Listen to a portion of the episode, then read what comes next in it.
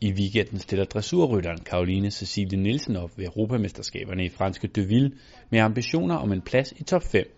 Jeg ser rigtig meget frem til det her stævne. Jeg har trænet rigtig, rigtig hårdt øh, for at nå frem til det her stævne, og jeg håber, at min rit de, øh, går videre til PL om et år. Øhm, øh, men lige nu har jeg øh, meget fokus på det her EM. Som så mange andre atleter skæver hun også et år frem i kalenderen til de paralympiske lege i Rio. Jeg sad og snakkede med min mor her forleden og siger, mor, det er jo tredje PL, jeg kan komme til, og jeg er kun 25.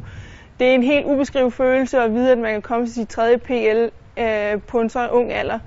Øh, så det ser jeg helt vildt frem til, og det bliver så fedt at komme ned og øh, træne og ride og vise sig frem dernede.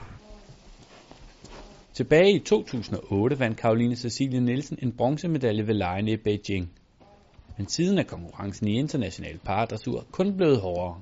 Her inden for de seneste år har niveauet steget rigtig, rigtig meget, og øh, det gør jo også, at man selv skal udvikle sig rigtig meget. Øh, så jeg har øh, prøvet at, at træne mig på et højere niveau med den hest, jeg har, og det synes jeg lykkes rigtig godt.